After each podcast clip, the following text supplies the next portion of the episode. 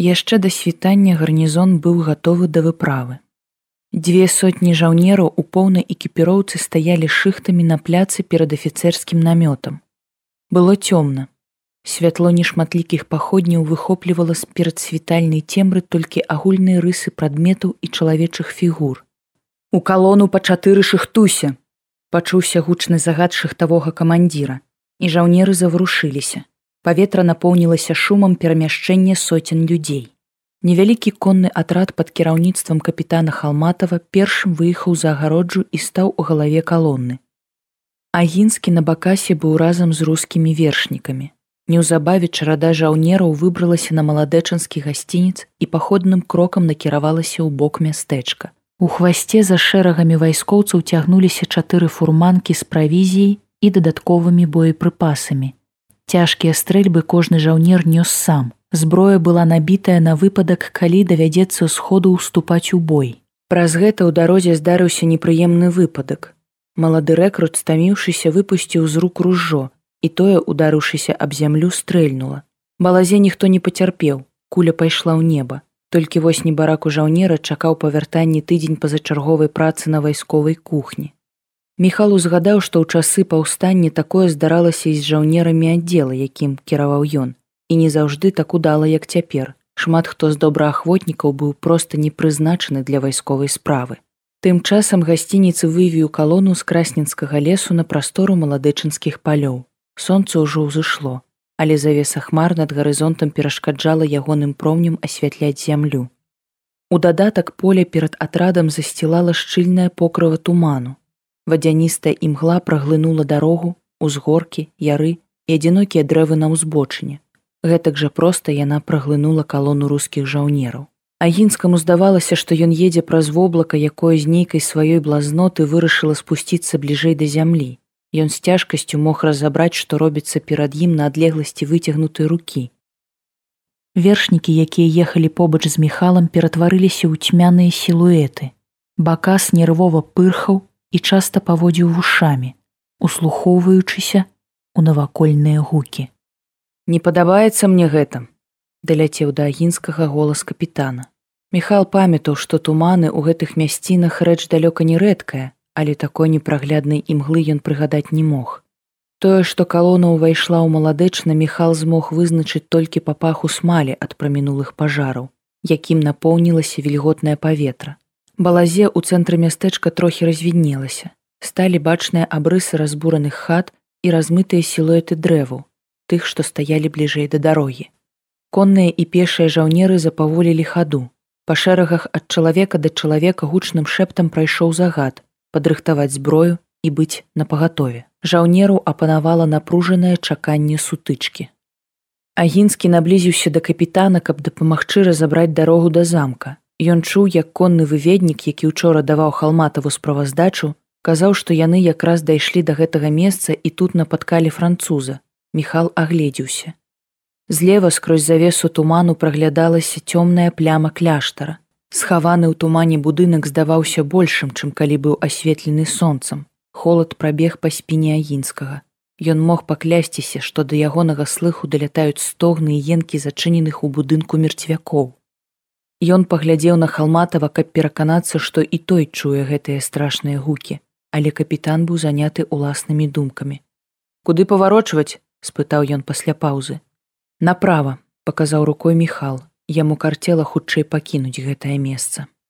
Зноў паветрам паляцеў сцішаны загад, і калона зрушыла з месца. Жаўнеры прайшлі скрозь мястэчка так нікога і не сустрэўшы. Калі за спіную засталіся апошнія спаленыя хаты маладэчна, агінскі зразумеў, што непакоіць яго яшчэ больш за зачыненых у кляштары нябожчыкаў. Цішыня. Не тое, каб калона перамяшчалася бясшумна, не, проста Міхал зразумеў, што не чуе стрэлаў, значыць замак перастаў супраціўляцца. Сэрца графа зашчаміла ад горкага пачуцця страты. Няўжо мы спазніліся, падумаў агінскі. Не можа гэтага быць. Я ведаю дзядзьку, ён так проста не здаецца. Стой, хто ідзе. Вокрык выведніка вырваў міхала слаб страшных думак. Скрозь імглу граф пабачыў адзінокі сілуэт французскага жаўнера, які павольна ішоў па дарозе насустрач калоне рускія спыніліся Вершнікі раз'ехаліся ў бакі, вызваляючы месца для стралкоў. Першы шэраг пехацінцаў апусціўся на калена, другі стаў у шчыльную за першым. Жаўнеры выставілі свае стрэльбы наперад. Восем руляў смяротным позіркам зыркнулі ў грудзі французу. Стой, будзем страляць, паўтарыў халматаў загад па-французску. Мярцвяк праігнараваў заклік, працягваючы кульгаць да людзей. Агонь! Капітан не стаў цягнуць.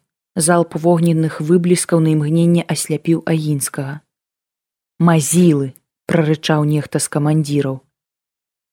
Міхал бачыў, што гэта не зусім так. Прынамсі дзве кулі знайшлі сваю цэль. На грудях і на жываце французы з'явіліся чорныя плямы, якія павольна павялічваліся ў памерах.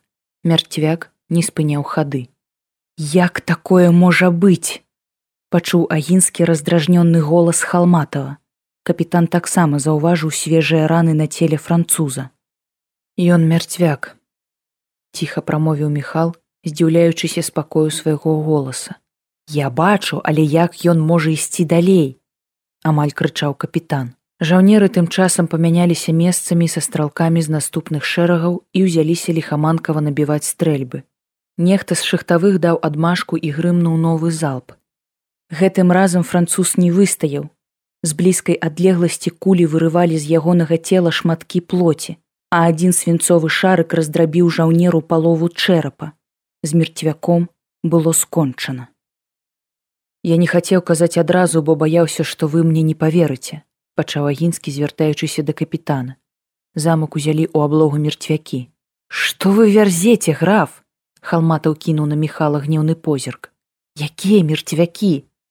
Такія, як гэты. Агінскі паказаў на знявечаны труп на дарозе. Гэта лухта, афект, я сам бачу такое ля барадзіна. Капітан не хацеў верыць у незразумелае. Ціха, прашаптаў адзін з конных выведнікаў. Вы чуеце?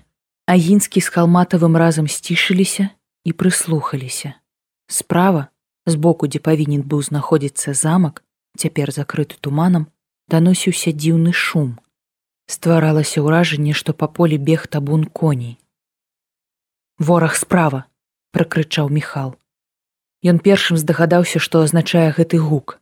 Сотні мерцвякоў, якія аблажылі замак, прыцягнутыя грукатам стрэлу, зрушылі з месца і пабеглі да дарогі. Развярнуцца направа, стрэльбы ўзняць, загад капітану увёў у дзеянне адладжаную ваенную машыну. Жаўнеры, як стаялі ў калоне, так разам і павярнуліся, утвараючы чатыры шэрагі, ашчаціненыя голкамі стрэльбаў. Туман вісеў над полем непрагляднай заслонай, але паводле тупату соцень ног можна было вызначыць, што французы ўжо блізка. Раптам у імгле паказаўся першы размазаны сілуэт, а за ім яшчэ і яшчэ. Цёмныя шынелі рэзкія рухі крывавыя падцёкі, мерцвякі набліжаліся хваляй. Агонь! закрычаў капітан, грукат залпу ударыў па вушах графа кавальскай кувалдай. Скрозь смугу парахавой смалі, што дадалася да туману, Міхал бачыў, як рэзка спыняюцца і зарываюцца ў зямлю з расшэчаныя кулямі жаўнеры нябожчыкі як на іх месца з імглы выходзяць новыя мерцвякі. Агонь! Другі залп накрыў французаў свінцовым дажджом.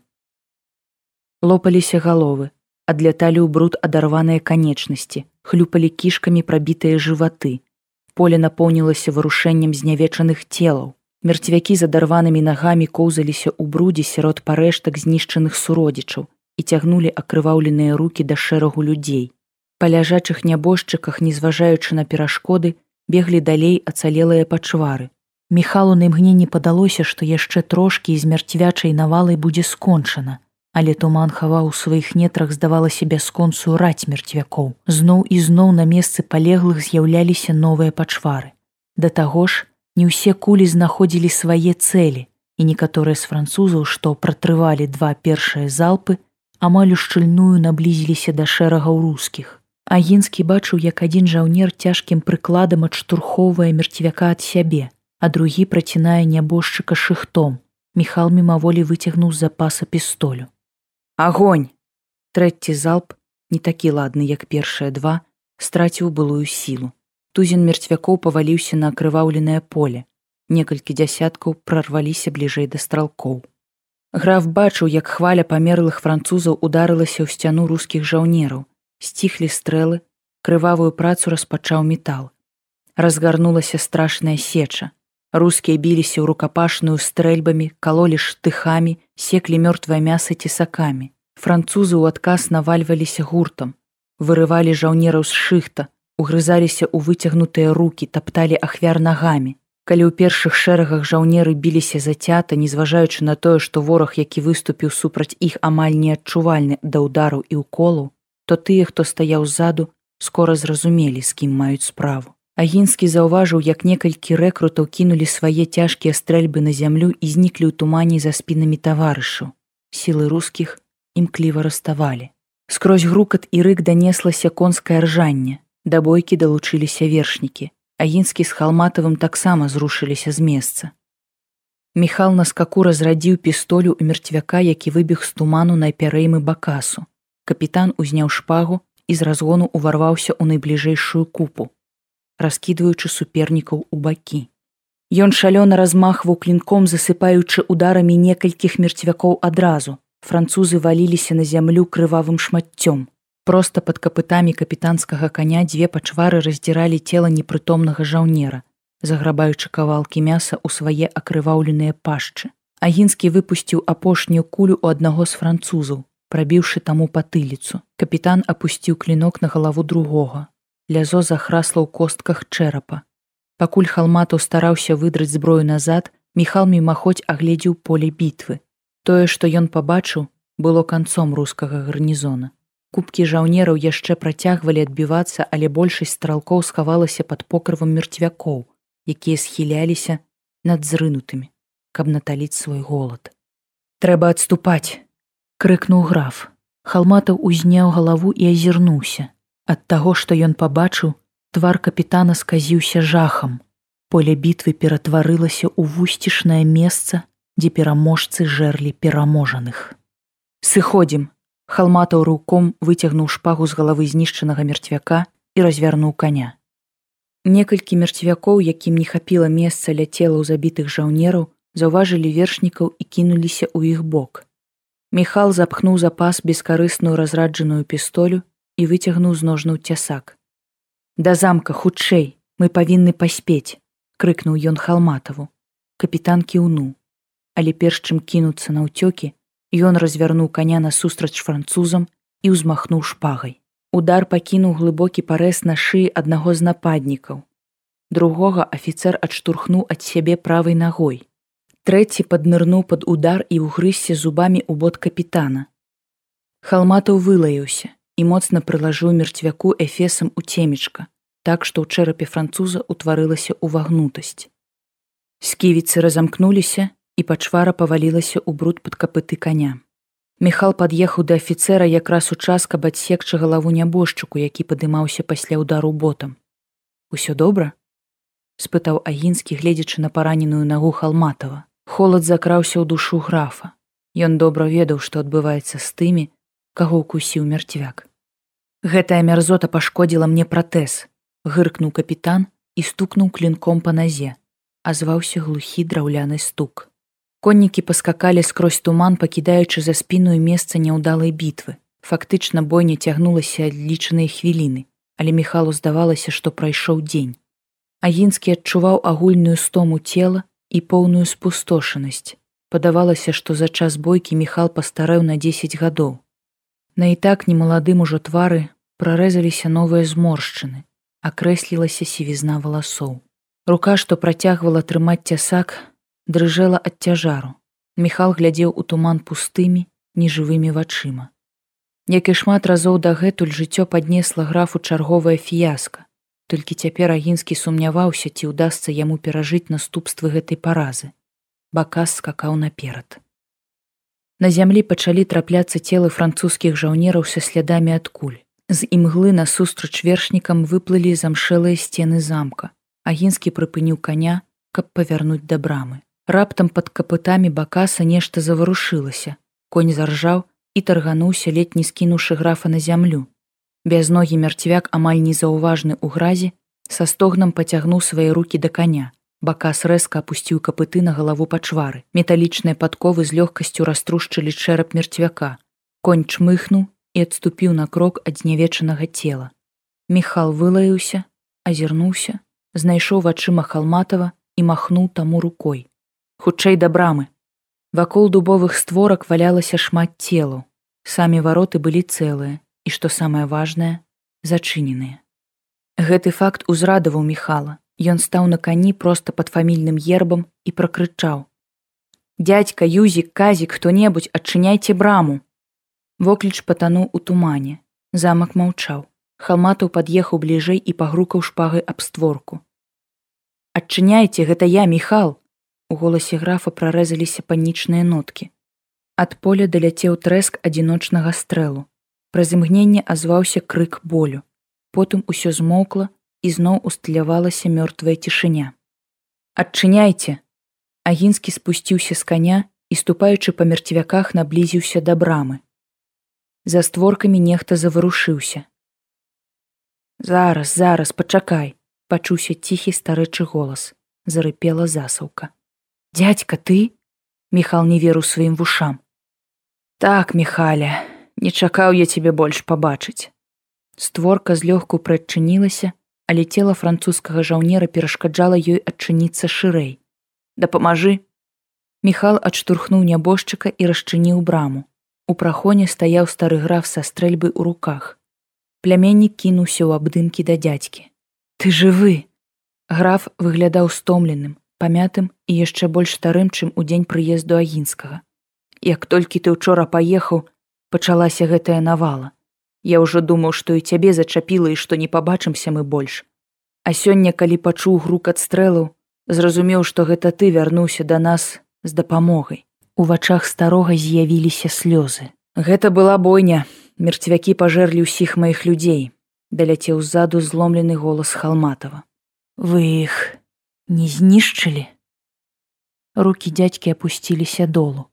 Не, выжылі толькі я і капітан халматаў. Міхал правёў афіцэрскага каня скрозь браму і свістам падазваў бакаса. Капітан халмату, камандзір красненскага гарнізона. Былы камандзір былога гарнізона. Ціха выправіў халмату. Вітаю капітан. Стары граф кіўнуў галавой. Трэба зачыняць. Мерцвякі могуць вярнуцца кожную хвіліну. Агінскі развярнуўся і пацягнуў за створку. Дядзька прыхінуў стрэльбу да сцяны і ўзяўся за засаўку. Як там нашы? спытаў Михал. Я адпусціў хлапцоў адпачыць пасля начной варты. Мы трымаліся да самага світанку, калі французы зменшылі ціск. А потым і вашы адцягнулі іхную ўвагу. Стары граф паглядзеў у бок халматава. Капітан усё яшчэ знаходзіўся ў сядле і моўчкі глядзеў сабе пад ногі. З ім усё добра. Ціха спытаўся дядька. Так, наколькі гэта ўвогуле магчыма, адказаў агінскі. Ён падышоў да афіцэрскага каня і працягнуў руку, каб дапамагчы капітану спусціцца на зямлю. Хадземце ў палац, вам трэба адпачыць. Халматаў моўчкі падпарадкаваўся. Дядька, пляменнік і афіцэр рушылі да камяніцы. На вуліцы паступова развіднелася. Сонечныя прамяні прабілі шчыльную завесу аблокаў і асвяцілі старыя муры і поле вакол замка. Туман споўз у нізіны і яры, дзе канчаткова расчыніўся ў паветры. Падсілкаваўшыся на замкавай кухні Михал выказаў жаданне заняць месца вартаўніка на браме, каб назіраць за дзеяннямі мерцвякоў. Пануры капітан вызваўся ісці разам з ім. Дядзька пахадзіўся і прапанаваў мужчынам узяць зброю. Агінскі з халматавым падняліся на надбрамную пляцоўку.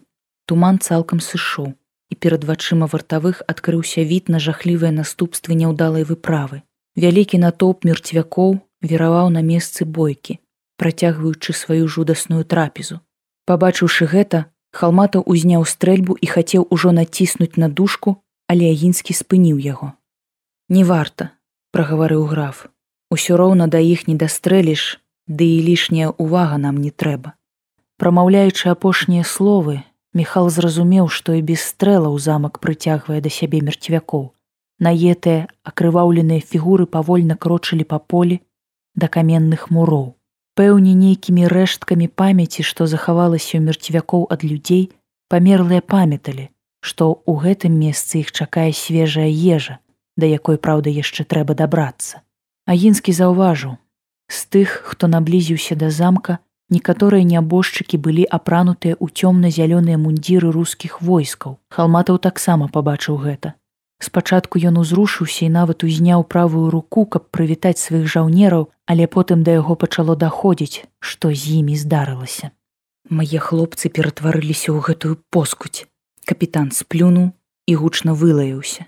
Так, усе, хто загінуў ад укусу мерцвякоў самі сталі пачварамі. Міхал прыкінуў, што колькасць рускіх, якія загінулі сёння на поле, значна перавышае колькасць знішчаных імі ў кароткай сутычцы мерцвякоў і гэта значыць, што мярцвячая навала павялічыла сваю сілу. У момант, калі да графа гэта дайшло, ягоныя далоні мімаволі сцяліся ў кулакі. У раз'юшаным розуме канчаткова выспела жорсткае рашэнне. Я знішчу іх усіх, прашаптаў агінскі. Што вы нешта сказалі граф, перапытаў халмату. Не, адказаў міхал. Ён рэзка ўзняў стрэльбу, хутка прыцэліўся і разнёс галаву найбліжэйшаму ад брамы нябожчыку ў сінім мундзіры.